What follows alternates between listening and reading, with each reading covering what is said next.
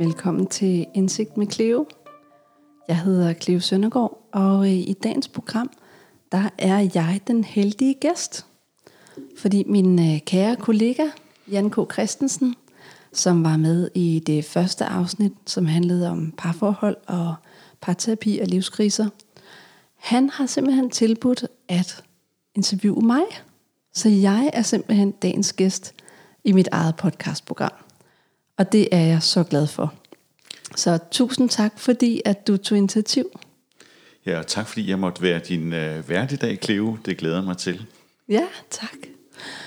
Øhm, jeg kunne godt tænke mig at fortælle om ACT.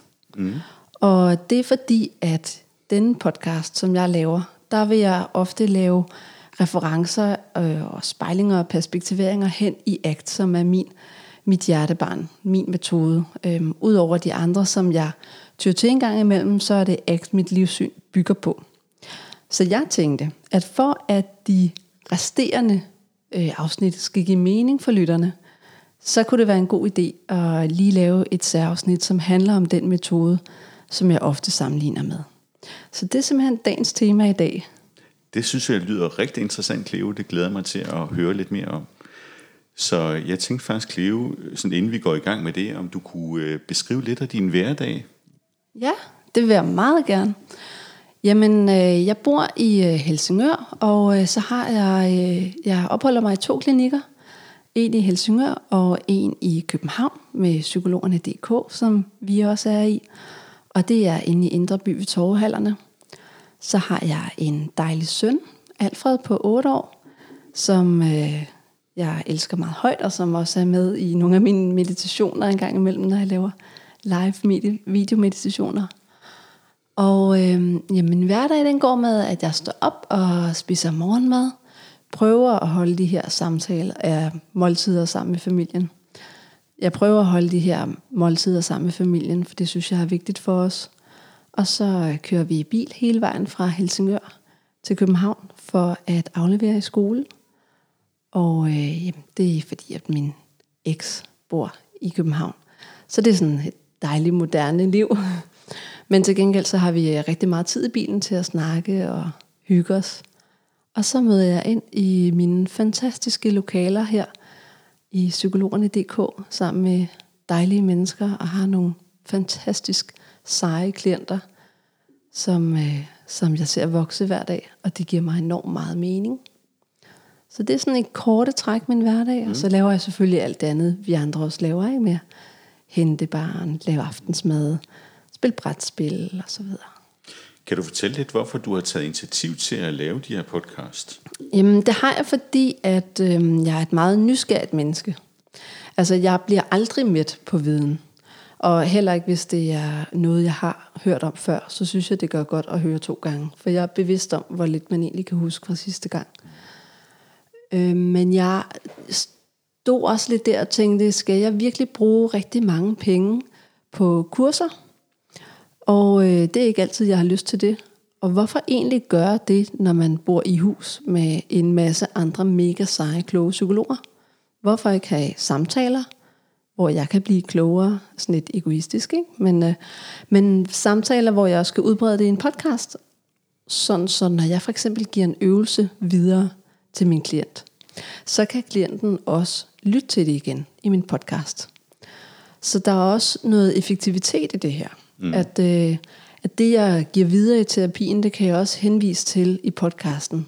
Hvis jeg for eksempel øh, laver noget, noget undervisning i diffusion, som vi skal tale lidt om i det her afsnit, så kan jeg henvise til det afsnit, der hedder diffusion, og så kan klienten høre det igen. Eller til mine guidede meditationer. Så jeg synes, det er vildt fedt at øh, skabe en podcast, som kan virke lidt som en, øh, en lommepsykolog i gåsøjen, eller rettere sagt en psykolog i lommen. Altså den er på mobilen, man kan tage den frem, når det passer ind, når man hænger tøj op. Øhm, og så er der helt vildt meget viden og selvudvikling i det her. Fordi jeg opfordrer også til, at øh, vi tager vores refleksionsbør frem og noterer ned i den. Øhm, så det er meget givende for mig. Og forhåbentlig, så vil jeg også være med til at skabe en afstigmatisering af psykiske lidelser. Altså det her med at fjerne stigma og fordomme omkring det at gå i psykoterapi og skabe mere åbenhed og gøre lytterne mere klare, når de skal formulere deres følelser og deres begreber. At så, øh, så har de noget mere selvindsigt herfra. Det kunne være virkelig givende. Det er det, der driver værket hos mig. Det synes jeg lyder rigtig sympatisk, Cleo. Jeg kunne egentlig godt tænke mig, at du, øh, at du fortalte lidt omkring øh, din rejse ind i ACT. Ja. Jamen ACT, uh, øh, Acceptance and Commitment Therapy, som uh, jeg er meget inspireret af, det startede allerede, da jeg gik på universitetet. Jeg havde et øh, valgfag, der hed Love, som var et af de eneste fag, vi rigtig havde inden for socialpsykologi, som handlede om kærlighed og parforhold. Og der var en enkelt time, hvor vi skulle øh, læse et kapitel i en ACT-indføringsbog af en fyr, der hed Ross Harris. Og øh, Asger Neumann, som var min lærer dengang, han er en enormt sympatisk og varmt menneske. Så han var allerede i forvejen lidt min rollemodel, at sådan en psykolog vil jeg gerne være. Og han øh, kom fra et psykologhus, der kun arbejder med ACT. Så det tænkte jeg, okay, hvis, hvis jeg havde en bevidsthed om, at når man går til kurser, og man lærer nyt, så er der også en del af en, der forandrer sig. Så jeg tænkte, hvis, hvis det der akt har gjort noget for ham, så skal jeg have noget af det samme på et tidspunkt, når jeg får tid. Så blev jeg uddannet, og jeg havde en øh, klinik, seksologisk klinik, og psykoterapeutisk klinik ved siden af mine ansættelser. Jeg øh, har været i familierådgivning, hvor jeg har givet meget parterapi og familierådgivning selvfølgelig. Og her blev jeg lært op i eksistentiel psykoterapi. Det er gamle øhm, teoretikere som Jalom og Kirkegaard, det helt store. Og jeg synes, det var en god måde at tale på. Altså, det var en god indføring i, i samtaleteknik, men det er meget et mindset for mig. Det er meget en filosofi eller en holdning, men der er ikke så mange konkrete redskaber. Så har jeg haft en rejse i psykiatrien, hvor jeg blev oplært i kognitiv terapi, fordi at øh, det havde man besluttet sig for i psykiatrien på det tidspunkt, at det er sådan, vi gør det her. Og det er der selvfølgelig ikke noget galt i. Men jeg følte, at der var noget, der manglede. Øh, for mig var der noget, der manglede. Der manglede noget kontakt til, til følelserne, mere mm. viden om følelserne. Der manglede også lidt omkring, jamen hvad så med adfærden? Altså, hvad skal jeg gøre anderledes? En ting er, at vi kan analysere os og, og sætte spot på tankerne, men, men hvordan skal vi leve anderledes? Øhm. Og så øhm, er jeg jo også buddhist privat. Mm. Så det vil sige, at det her med at observere tanker og følelser, som de kommer og går i meditationen, det er faktisk noget, der er noget af i ACT også. Mm. Så jeg blev inviteret til et kursus i ACT for et år siden. Øhm, det var efter jeg gik selvstændig. Og det ironiske er, at den, der skulle holde kurset, det var Ross Harris. Ham, der havde skrevet den bog, som jeg mødte allerførste gang. Og han lavede et kursus, et fire-dages kursus om, øh, hvordan man bruger ACT i forbindelse med traumebehandling. Og det kickstartede min interesse. Mm. Så sidenhen har jeg læst flere bøger af ham, og overvejer at, at tilmelde mig øh, specialistuddannelsen i ACT derudover. Men jeg tænker egentlig, at, øh, at jeg kan jo høre, at, at, øh, at ACT har på en eller anden måde været noget af det, som har været virkelig inspirerende, er meget inspirerende for dig, og også som en sad i forhold til den faglige rejse, du har været på, øh, giver et godt supplement, hvor, hvor, hvor, hvor følelser lige pludselig også har en, en rolle. Øh, så, så, så på den måde lyder det til, at du, øh, kan man sige, øh, har fundet en vej, som, som er mere integrerer måske forskellige mm. dele fra forskellige traditioner i det her. I høj grad. Ja. Så jeg kunne egentlig godt tænke mig, at du øh, gik i gang med at prøve at fortælle lidt omkring, hvad er ACT egentlig? Hvad er målene i ACT? Jamen, målene i ACT er øh, grundlæggende, og det som alle metoder har til fælles, det er at skabe mere balance i et menneskes psykiske liv. Og balance i ACT, det kalder man psykologisk fleksibilitet. Det er okay. det livssyn, der er der. Mm. Og psykologisk fleksibilitet vil sige, at, at vi kan ikke altid være lykkelige. Vi kan ikke altid være glade, og vi kan ikke altid være frie for lidelse og smerte. Og det er faktisk heller ikke pointen. Øh, psykologisk fleksibilitet er med til at beskrive, at uanset hvad vi møder på livets vej, så vil vi stadigvæk blive stående. Det, man kan sammenligne det lidt med et siv, som rejser sig efter det er blæst ned, ikke? at vi rejser os igen. Det er også øh, fleksibilitet i forhold til ikke at generalisere os selv for meget, øh, og være mere milde over for os selv. Mm. Det her compassion kommer ind i mm. Øh, som man kender det fra compassion-fokuseret terapi, som mm. ACT også øh, indeholder rigtig meget af. Mm. Og så handler det om at være mere til stede i nuet og bruge mindfulness, mm. som ACT også har. Mm. Øhm, så det er en måde, hvorpå vi kan rumme og være i os selv med de følelser og tanker, der nu måtte komme. Så det er den måde, man er fleksibel. Så på grund af den her styrke og fleksibilitet og selvomsorg, så får vi også et mindre behov for kontrol mm. og vi bliver friere. Det er det, der ligger i fleksibiliteten, ikke? at vi bliver mere modstandsdygtige. Men det er bestemt ikke det samme som at være robust. Altså et ord, som jeg nærmest øh, får trækninger i musklerne af. Det mm. er ikke, at vi kan holde en masse ud. Mm.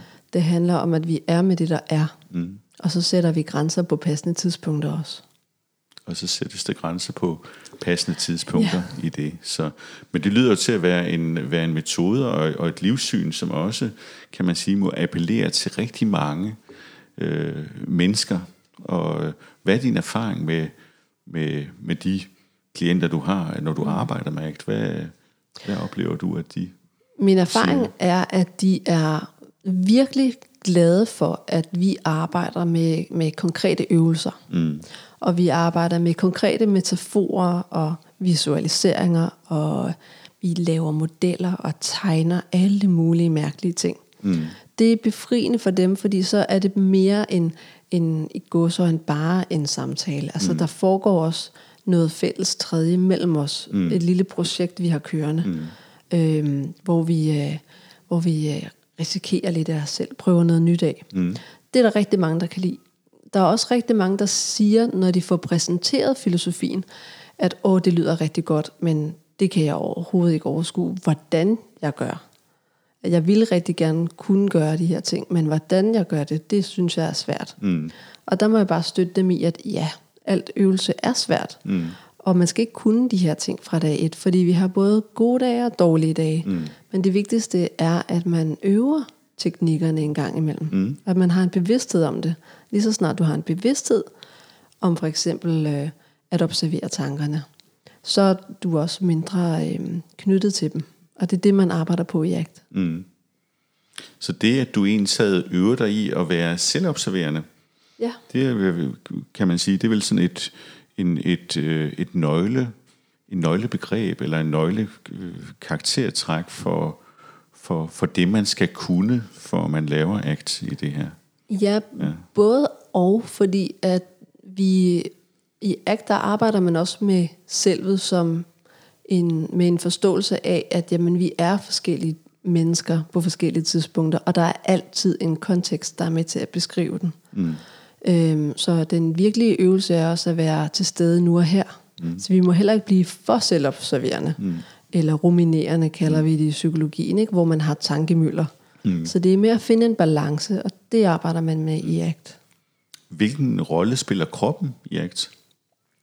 Den spiller øh, en stor rolle i forbindelse med det, man i ACT kalder accept, mm. og det, man i ACT kalder øh, det at være til stede i nuet, mm. nu og her. Fordi der bruger man kroppen til at observere, hvad det er, der sker. Mm. Ligesom i compassion-fokuseret ja. terapi. Hvor man er med det, der er. Man er med det, der er, og man sanser, bruger sit sanseapparat til at bringe sig selv til stede i, i kroppen. Lige præcis. I nuet, ja. Og observere kroppen mm. og rummer, når den har det svært. Mm. Rigtig interessant. Jeg kunne godt tænke mig, at du, øh, at du prøvede at fortælle lidt omkring ACT Hexaflex-modellen. Ja, jamen tak fordi du bringer det op. Det lyder mm. som om, du har læst på lektion. Ja. Øhm, Hexaflex-modellen er en model, som man arbejder med i ACT. Og jeg vil lægge et billede op på Instagram selvfølgelig, fordi den er en meget visuel model. Øhm, men den består af seks grundlæggende punkter, øh, som er rigtig gode for at beskrive grundbegreberne eller filosofien i ACT. Øh, og de her grundlæggende punkter påvirker hinanden gensidigt. Så ligesom hvis vi snakker om kognitiv terapi, hvor vi har kroppen, adfærden, de tanker man har, de følelser man har, de fire de påvirker hinanden gensidigt, så har vi i ACT en model med seks punkter, som også inddrager nu og her og værdier. Men jeg tænker, at jeg, jeg gennemgår dem en for en. Mm. Det første punkt i øh, ACT hexaflexen, det er det øverste punkt, og det beskriver nu og her. Det var jeg også ganske kort inde på. Nu og her, det er den del af ACT, hvor vi bruger mindfulness. Mindfulness er en, en tilstand i sig selv.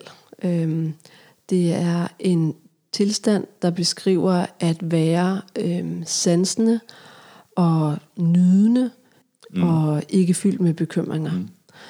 Øhm, og det at være i nu og her, øh, bruger ACT rigtig meget i forhold til den bevidsthed, vi har om, hvordan vi har det. Mm. Så i stedet for at graduere eksempelvis, hvor meget angst man har, så vil man i ACT hellere graduere efter, hvor meget til stede er jeg i nu og her, mm. for at man fokuserer på det, i stedet for at, øh, at tjekke med sin angst, mm. og lægge, lægge lidt for meget mærke til det, eller sådan blive, blive selvmonitorerende, kan man mm. kalde det. Og det, der er modsætningen til at være i nu og her, det er at være meget knyttet op på de koncepter, man har om sig selv og andre. Mm. Eller være meget optaget af fortiden. Det er meget sigende for, for folk, der har depression, at, øh, at de har meget fortrydelser og skam fra fortiden. Eller man er meget optaget af fremtiden og bekymret for fremtiden. Det er det, som mange med angst lider rigtig meget under. Øhm, så den, den, det punkt, vi sigter efter at udvikle i ACT, det er at være mere til stede i nu og her, i nuet. Mm. Hvad er så det, altså når vi går videre fra, fra at være til stede i nuet, hvad, hvad vil så næste punkt være i det her? Jamen, så er der den del, der hedder accept. Det er derfor, det hedder acceptance and commitment therapy. Og det er meget sjældent, jeg bruger ordet accept, fordi at på dansk, der forstår man det lidt som, at øh, man holder ud, eller man accepterer det dårlige, der er nu og her. Øhm, eller man accepterer dårlig adfærd for andre. Og det er bestemt ikke sådan, det skal forstås. Accept, det skal forstås øhm, sådan, at man er med det, der er. Altså hvis jeg har en, Øhm, en selvkritisk tanke for eksempel, så vil jeg øh, acceptere, at det har jeg besøg af lige nu. Og med acceptere, der vil det sige, at jeg ser den, jeg mærker den, jeg rummer den, men jeg gør ikke noget aktivt for at fjerne den, eller holde den nede, eller fortrænge den, eller skubbe den væk. Jeg er bare med den. Så i modsætning til, til andre øh, metoder, der måske vil arbejde på at nedbringe den, så arbejder man i ACT på, at, at den, øh, den får lov til at være der, men den får ikke mere magt end det. Og hvad sker der, når man giver, kan man sige, de her tanker og følelser lov til at være der? Hvad sker der så med, med tankerne og følelserne? Jamen så danner vi over tid det næste punkt mm. i hexaflexen, som hedder diffusion. Mm. Og diffusionen er en modsætning til fusion. Altså når vi fusionerer firmaer, så blander vi firmaer sammen ikke? og sætter dem sammen til et større firma. Og diffusion betyder, at vi skiller det ad. Mm. Så i stedet for, lad os sige, at jeg får en, øh, en meget selvkritisk tanke. Ikke? Øhm,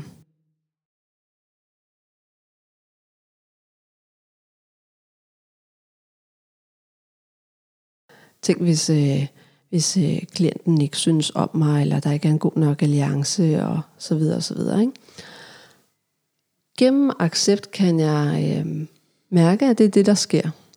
Og jeg søger ikke at fjerne det, eller kæmpe imod det. Og fordi jeg har øvet diffusion så meget, så får jeg evnen til at observere tankerne på besøg. Men jeg lader mig ikke rive med af dem. Det er også det, man på engelsk kalder øh, hooking og unhooking. Mm.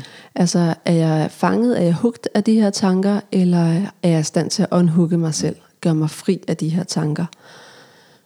Så når jeg arbejder med accept, og jeg ikke prøver at undgå, eller dvæle ved, eller fastholde, eller blive endnu mere selvkritisk, og jeg har øvet mig på det, vi kalder kognitiv diffusion, det vil sige, at jeg har fået afstand til tanken, så er det lidt ligesom, at, at hvor jeg før var vidne til en meget grum videofilm, lige foran mine øjne, så er jeg i stand til at flytte filmen lidt væk og længere væk, og til sidst er den bare på en skærm på min mobiltelefon. Og jeg observerer, at øh, det er de tanker, der spiller lige nu, mm. men det er ikke det, der er relevant for mig. Så nu putter jeg mobiltelefonen ned i lommen. Og det er det, der er med accept. Ikke? Jeg accepterer, at det er der, mm. men det har fået så meget afstand, at det gerne må være der, mm. uden at det rører mig. Mm. Så det lyder også til, at du, at du kommer ind i en, en tilstand, hvor du egentlig kan se, at de her tanker ikke er sande. Ja, ja. i høj grad. Mm. Fordi at, at øh, alle, vi kan jo tænke på alt. Mm. Altså, øh, jeg kan også... Øh, jeg kan også få dig til at tænke på bestemte ting, men det betyder jo ikke, at de findes i virkeligheden. Jeg kan også tænke, at jeg ikke kan rejse mig fra den stol, jeg sidder i, mens jeg rejser mig op. Øhm, vi får besøg af, af alle tanker og alle følelser i løbet af en dag, og det er en blandet landhandel. Noget af det er negative eller positive dagdrømme. Noget af det er minder, vi har fra tidligere. Andre ting er nervøsitet, og vi skal tjekke, hvornår toget går osv. Øhm, vores velsignelse og vores forbandelse som mennesker er, at vi ikke kan styre, hvilke tanker der kommer. For eksempel, hvis jeg siger til dig, du må ikke tænke på en lyserød elefant. For Lige eksempel, præcis. Så kan vi ikke lade være med at tænke på den. Lige så snart der er en så. sætning med ikke foran, ja. så kan vi ikke slette det. Nej. Og det er det, ACT arbejder rigtig meget med at fortælle, mm. at, at tanker er som minder. Vi kan ikke slette dem fra vores mm. bevidsthed. Derfor skal vi lære at rumme dem i stedet for. Mm. Så, så på den måde, så, øh, så lyder det til, at når man accepterer sine tanker, så sker der også det, når man træner det, øh, og sine følelser, man accepterer tanker og følelser, så sker der det, at på sigt, så sker der det, at man egentlig jo får lavet en diffusion i det her, at man egentlig skiller sig ad, at man bliver den observerende del, og man er forskellig fra de tanker og følelser, der opstår. Lige præcis. Altså, man, man ser sig selv i en kontekst, mm. og det er faktisk det næste punkt mm. i mit øh, hexaflex. Mm. Og så er der også det dejlige biprodukt ved det, at mange af de sekundære følelser, de mere komplekse følelser som jalousi og skam, de er ikke nær så virkelige. Øhm, fordi vi skammer os lige pludselig ikke over os selv, eller øhm, vi har evnen til at træde skridt tilbage og tænke, hvorfor bliver jeg pludselig så utryg og paranoid? Hvorfor er jeg ramt af jalousi lige nu? Det var da interessant. I stedet for at gå med på, hvad jalousien fortæller os. Mm. Men ja, for at komme videre til det, det næste punkt, øhm, som hedder selvet i kontekst, eller self as context på engelsk, der kigger man på øh, sig selv og er bevidst om, jamen, hvordan kan det være, at jeg har det, som jeg har det lige nu? I stedet for at, øh, at hoppe med på tankerne og følelserne som, som sandheder, og i stedet for at dvæle ved det, så stopper vi op øh, og overvejer omgivelserne apropos det her med nu og her, og apropos det her med at lave diffusion. Så eksempel være, at jeg vågner op en morgen øhm, og er i dårlig humør. Jeg har sovet dårligt om natten. Og hen ad eftermiddagen er jeg lige pludselig ramt af en voldsom tristhed. Øhm, hvor man, hvis man ikke er særlig psykologisk fleksibel, kan komme til at dvæle og overanalysere den her tristhed. Der vil jeg med ACT stoppe op og tænke, hvordan har jeg sovet i nat? Har jeg husket at spise? Har jeg haft nogle samtaler i løbet af dagen, der ikke gik så godt? Hvad var det for nogle tanker eller fortolkninger om mig selv, som triggede, at jeg har det, som jeg har det lige nu og her? Og ofte, når man kigger på de her fortolkninger, der går forud for mærkelige følelser, vi ikke rigtig helt ved, hvor kommer fra, fordi de ikke er en del af nu og her, når vi kigger på de her fortolkninger, så får vi øje på de generaliseringer, vi har om os selv. Og generaliseringer er netop det modsatte af selvet i kontekst. Generaliseringer, det er de regler, vi har om, hvem vi er, eller hvem andre er. Og det er her, vi lynhurtigt kommer til at hoppe i det, jeg kalder tankefælder. Det vil sige, øhm, det kan være burde kunne skulle tanker. Altså jeg burde gøre sådan, og det kan være altid aldrig tanker. Ikke? Det går mig altid sådan her, og andre tænker aldrig på mig. Øhm, det kan også være bekymringstanker, hvor man bliver overoptaget af det, der hypotetisk set kan ske i fremtiden. Øhm, hvor hvis man for eksempel er ramt af bekymringer, jamen så bruger man selvet i konteksten til at stoppe op og tænke, der hvor jeg sidder lige nu og her, og med det jeg skal din, den næste time, har jeg nogen grund til at bekymre mig? Er jeg i sikkerhed?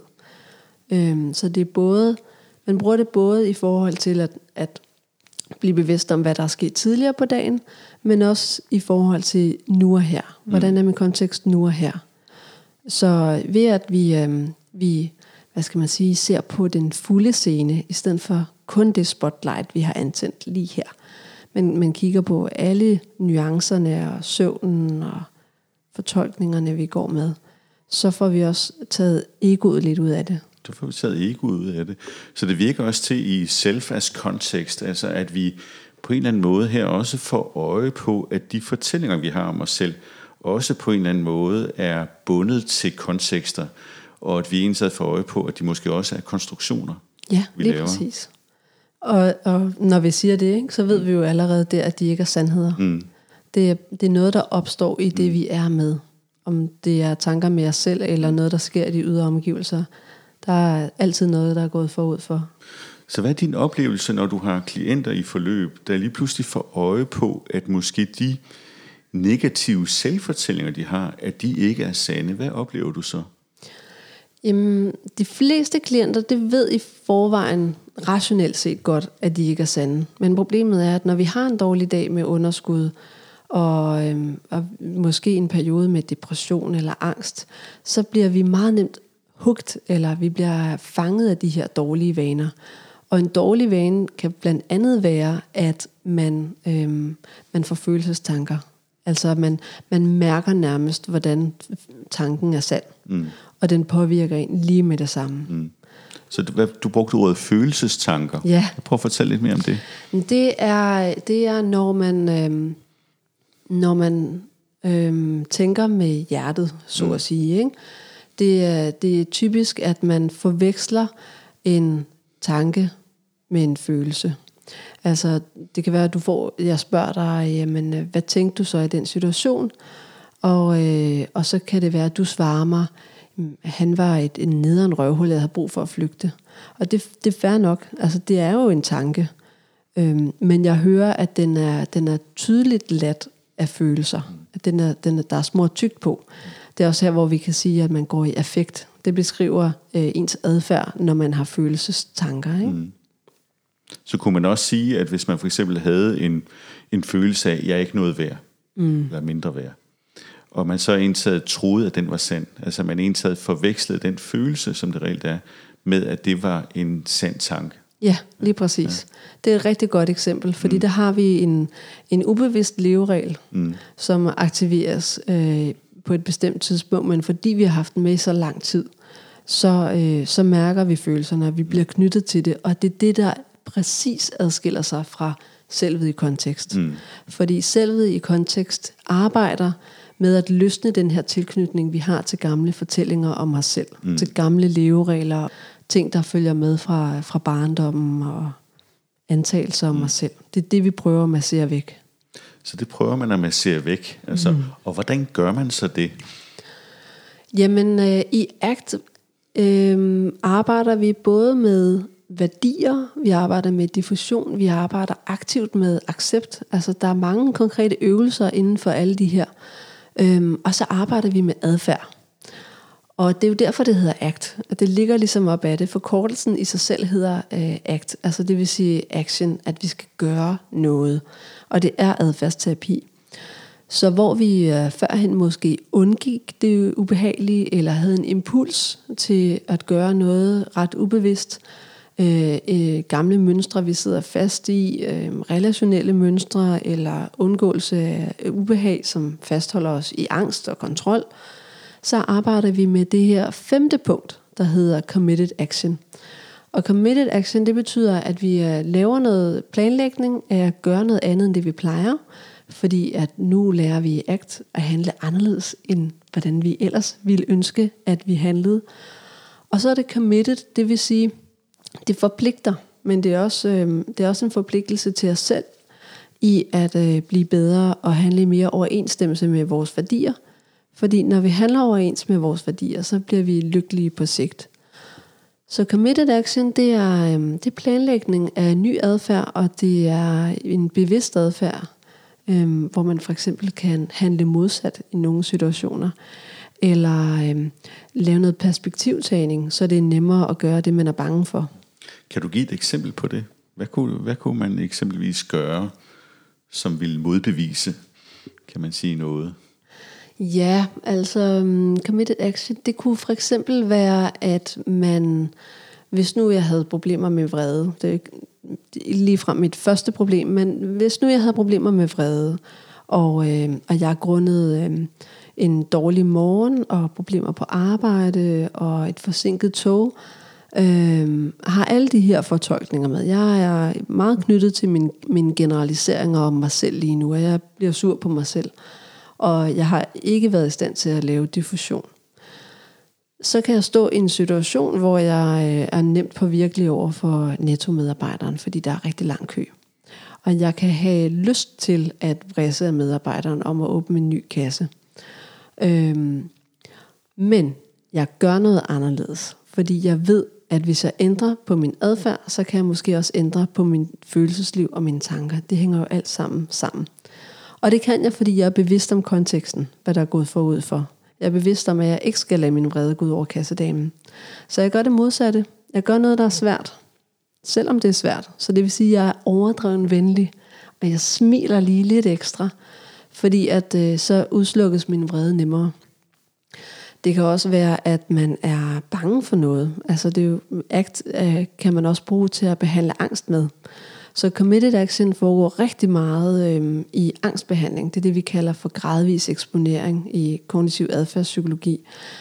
Øh, men det er også bare øh, bevidstheden om, på et generelt plan, at vi kan have tanker og udføre noget andet, selvom det er hårdt. Så det, det er simpelthen en måde at ændre vaner på, og når nye mål, blive mere effektiv, mindre angst, mere frygtløs. Så hvis jeg for eksempel havde en, øh, en angst for åbne pladser, for eksempel at jeg gik, jeg skulle gå ned på Israels plads, der ligger lige her ved siden af, øh, at jeg så en sad kunne mærke den her angst. Mm. Kunne så mærke den her angst, men jeg, øh, jeg, øh, jeg valgte at defusionere for, for jeg kunne godt mærke den, jeg kunne mm. godt sanse den, men jeg ville ikke lade mig styre af den, så jeg valgte alligevel at gå ud Lige på, på pladsen i For, det her. Ja, lige præcis. Fordi ja. du har alt det andet med, mm. så er vi der, hvor vi kan planlægge noget committed action. Det, det, er, det er rigtig godt øhm, set. Og det er også der, hvor at vi øh, har en bevidsthed om, jamen, hvad er vores impulser? Og hvad er vores mønstre generelt? Jamen, det er undgåelse. Mm. Det har du lært i terapien. Og hvad kan fastholde din angst? Jamen, det kan undgåelsesadfærd. Så derfor planlægger vi gradvis committed action. Øhm, så vi gør det, der er svært, og vi observerer, at gud, jeg blev ikke, jeg blev ikke øh, hævet rundt af mine følelser mm. og tanker så meget, som jeg havde forventet og frygtet, fordi jeg er blevet bedre til at rumme de følelser, der kommer. Så kunne man også sige, at den måde, man jo, det er jo på en eller anden måde også en udviklingsmodel, at der, hvor man udvikler sig, det er, øh, det er reelt øh, der, hvor man går lidt uden for sin comfort zone, det vil sige, at man bliver man tillader sig at gøre noget, selvom det er ubehageligt. Ja, lige præcis. Ja. Og på den måde, så udslukker man noget af det, som man troede ikke var muligt før. Ja. Eller et blik på sig selv, at man ikke var sådan en, der kunne gå på åbne pladser, for eksempel. Lige præcis. Ja. Og man bliver også... Øh, man, man får også åbnet blikket for, at der er flere nuancer i livet end det. Mm. Og man bliver mere i stand til at være øh, til stede i nuet. Altså det er derfor, at, at den her model er en sammenhængende model, der påvirker hinanden positivt gensidigt. Mm. Men, men de omvendte ting øh, vores vaner, når vi har det svært. Undgåelse, impulsive handlinger, generalisering af os selv, fusionering med følelser, øh, ekstra lidelse, koncepter, tanker om fortid, tanker om fremtid, bekymringer osv. De er jo også omvendt øh, selvforstærkende. Det er der, hvor vi taler om den negative spiral. Mm. Men der er jo altid nogle grunde til, at vi gør, som vi gør. Mm. Der er altid nogle kortsigtede belønninger i det. Så hvis vi går videre til, til det næste punkt i det her, hvad er det så for et punkt? Jamen det sidste og, øhm, og det mest grundlæggende punkt, øhm, som også adskiller ACT fra mange af de andre øhm, metoder, det er værdierne, eller values på engelsk. Og jeg øh, finder det super relevant og vigtigt, og der er noget, der går igen her fra eksistentiel psykoterapi, hvor man arbejder meget med værdier og meningsfuldhed. Og det gør man også i ACT, fordi for at vi kan lave committed action, så skal det jo være vigtigt for en. Det skal betyde noget for en, og det skal stemme overens med den person, man ønsker at være. Og for at vi kan være i nu og her og nyde livet, jamen så skal det jo også stemme overens med vores værdier. Så hvis man har en værdi om for eksempel at være en nærværende, lyttende, rummende, kærlig mor, jamen øh, så skal det både øh, være koblet til det at kunne være i nu og her. Det skal man måske øve sig på, hvis man vil, man vil være mere øh, tro mod den værdi. Og man skal også lære noget, noget committed action. Altså, så på den måde, der hænger de to punkter meget sammen. Det mm. første punkt, vi nævnte med nu og her, og, øh, og det punkt fra før med committed action. Så når vi taler om værdierne, så er det for at skabe holdbar, langsigtet lykke. Så hvis man har en klient, hvor at, øh, hvor at de ikke har kontakt til, eller hvor, hvor de måske har svært ved at finde ud af, hvad er det egentlig, der er vigtigt for mig? Hvad er det egentlig, min værdi er? Hvad vil du så gøre? Så vil det være vores tema mm. for nogle af samtalerne. Øhm, fordi så kan det være, at der er, en, der er et underliggende tema, der hedder, jeg kan ikke mærke mig selv. Mm. Eller jeg lever et liv, som er et hamsterhjul, som, hvor dagene bare går forbi, og øhm, de giver mig glæde, jeg er træt, jeg er drænet, og jeg ved ikke helt hvorfor. Mm. Det synes jeg er, er værd at tage med som tema i sig selv. Mm. Fordi der er det der, det er vigtigt at dykke ned i værdierne. Så kunne man også sige det sådan, eller vil det give mening, at, at man kan sige, der hvor værdierne, der hvor man ikke kan få fat i værdierne, så, så er det måske et arbejde også med at kunne mærke sin krop, kunne mærke, hvad der er vigtigt for en, hvordan har jeg det egentlig? Og fra det sted, så folder der så måske nogle ting, der er vigtige for en ud. Lige præcis, mm. lige præcis.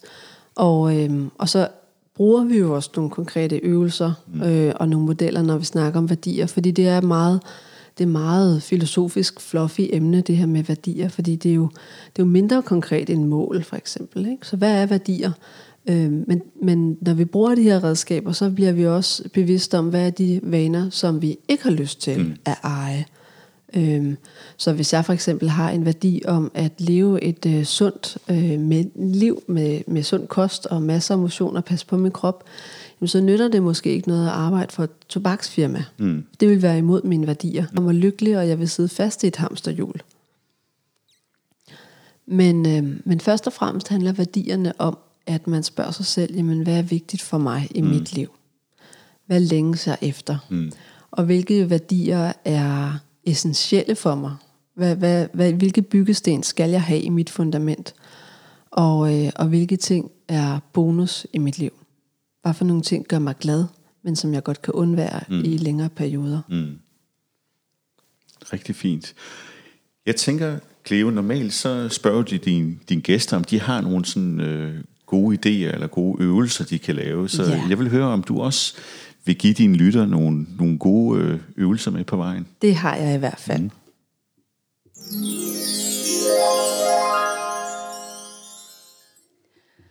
Jamen, øh, jeg kunne godt tænke mig at øh, tage en øvelse, som er koblet med det punkt, der hedder diffusion, og give videre. Øhm, fordi som, øh, som du også selv nævner, så beder jeg gæsterne om at tage nogle øvelser med, fordi det betyder meget for mig, at man, man ikke bare bliver klogere i det her program, man kan faktisk også bruge det derhjemme. Øhm, og dagens øvelse, hvis du tager din refleksionsbog frem, den handler om diffusion. Øhm, og måden, jeg vil give dig øvelsen på, er at give dig to metaforer. Øhm, den ene metafor kalder jeg fiskemetaforen. Og det er, at man forestiller sig, at, øh, at tanker de kommer og går i løbet af dagen, og man vil gerne arbejde med, om man lader sig rive med af dem eller ej. Det der på engelsk hedder hooking og unhooking, og man sidder fast med den tanke. Hvis man taler om fisk, så ved man faktisk, at fisk i øh, Pudentek-søer, altså fisk, der er lagt ud, som kan fiskes op, de har over tid udviklet en evne, hvis de er i vandet lang tid nok, så udvikler de en evne til at stoppe op og kigge på krogen øhm, og vurdere, er det her mad, er det sikkert at spise, eller er det en krog, fordi den har jeg bidt på før, og det gjorde rigtig, rigtig ondt. Så det fisken gør, det er, at den stopper op foran krogen, og så bruger den noget tid på at observere krogen. Om den er, om den er sikker at, at, at bide på eller ej. Og hvis den ikke er det, så svømmer den videre. Og det er derfor, at de, de undgår de her kroge. Ikke? Fordi at man har fundet ud af, hvad er det, der sker? Hvad gør det ved mig? Har jeg brug for det? Og det er i princippet det samme, man skal gøre i diffusion. Så hvis man får en selvkritisk tanke, eller man pludselig er øh, ked af det, eller man bliver overvældet af bekymringer, så stop op og tænk for dig selv, de her tanker, er det nogen, jeg har brug for lige nu? Er det nogle tanker, der gavner mig? Og er det nogle tanker, jeg kan undvære? Det er spørgsmål, som man kan stille sig selv, som, øh, som lytteren kan skrive ned i sin refleksionsbog. Den anden metafor er metaforen om festen. Fordi vi får jo besøg af alle mulige tanker og følelser i løbet af en dag. Og hvis vi forestiller os, at øh, vores sind, vores psyke, er vært til en fest. Det er vores lækre lejlighed, og der kommer masser af gæster. Alle dem, vi godt kan lide, og gamle kollegaer, og vores familie, og alle dem, der får det bedste frem i os. Men så kommer den fulde onkel. Åh oh, nej. Ja. Han har drukket lidt for meget. Og øh, han er altid rigtig, rigtig nedværdigende over for de andre gæster. Han banner og svåler, og øh, han har sådan lidt pletter på tøjet, og vi kan mærke, at vi bliver urolige, når han er i lokalet, fordi hvad kan han ikke finde på? Hvad vil der ikke komme til at ske? Hvad nu hvis han hjælper, eller han vælter noget? Øhm, og hvad nu hvis han påvirker de andre gæster, og simpelthen lukker festen ned? Festen bliver ødelagt på grund af ham. Det er lidt sådan, vi skal anskue vores tanker også, og de tanker og følelser, vi på for besøg. Men det der er, er, at hvis vi følger efter den fulde onkel, hvis vi øh, beder ham om at forlade festen og smide ham ud, så tror jeg ikke, han forlader festen lige med det samme. Jeg tror, han bliver øh, provokeret. Jeg tror, han bliver mere insisterende, og jeg tror, han vil råbe højere. Og det er præcis det samme, der sker, når vi taler om tanker. Ikke? Tænk ikke på en lyserød elefant. Når vi prøver at undgå ham, så bliver han insisterende. Prøver vi at øh, ignorere ham, så vil han larme mere for at få vores opmærksomhed. Så det vi skal gøre, ligesom med vores tanker, det er at observere, at han er ankommet, og ikke gøre noget mere ved ham. Så vi rummer ham, vi accepterer, at han er der, vi accepterer, at han larmer, at han er til stede lige nu, men vi fokuserer vores blik på det, der er vigtigt for os lige nu og her.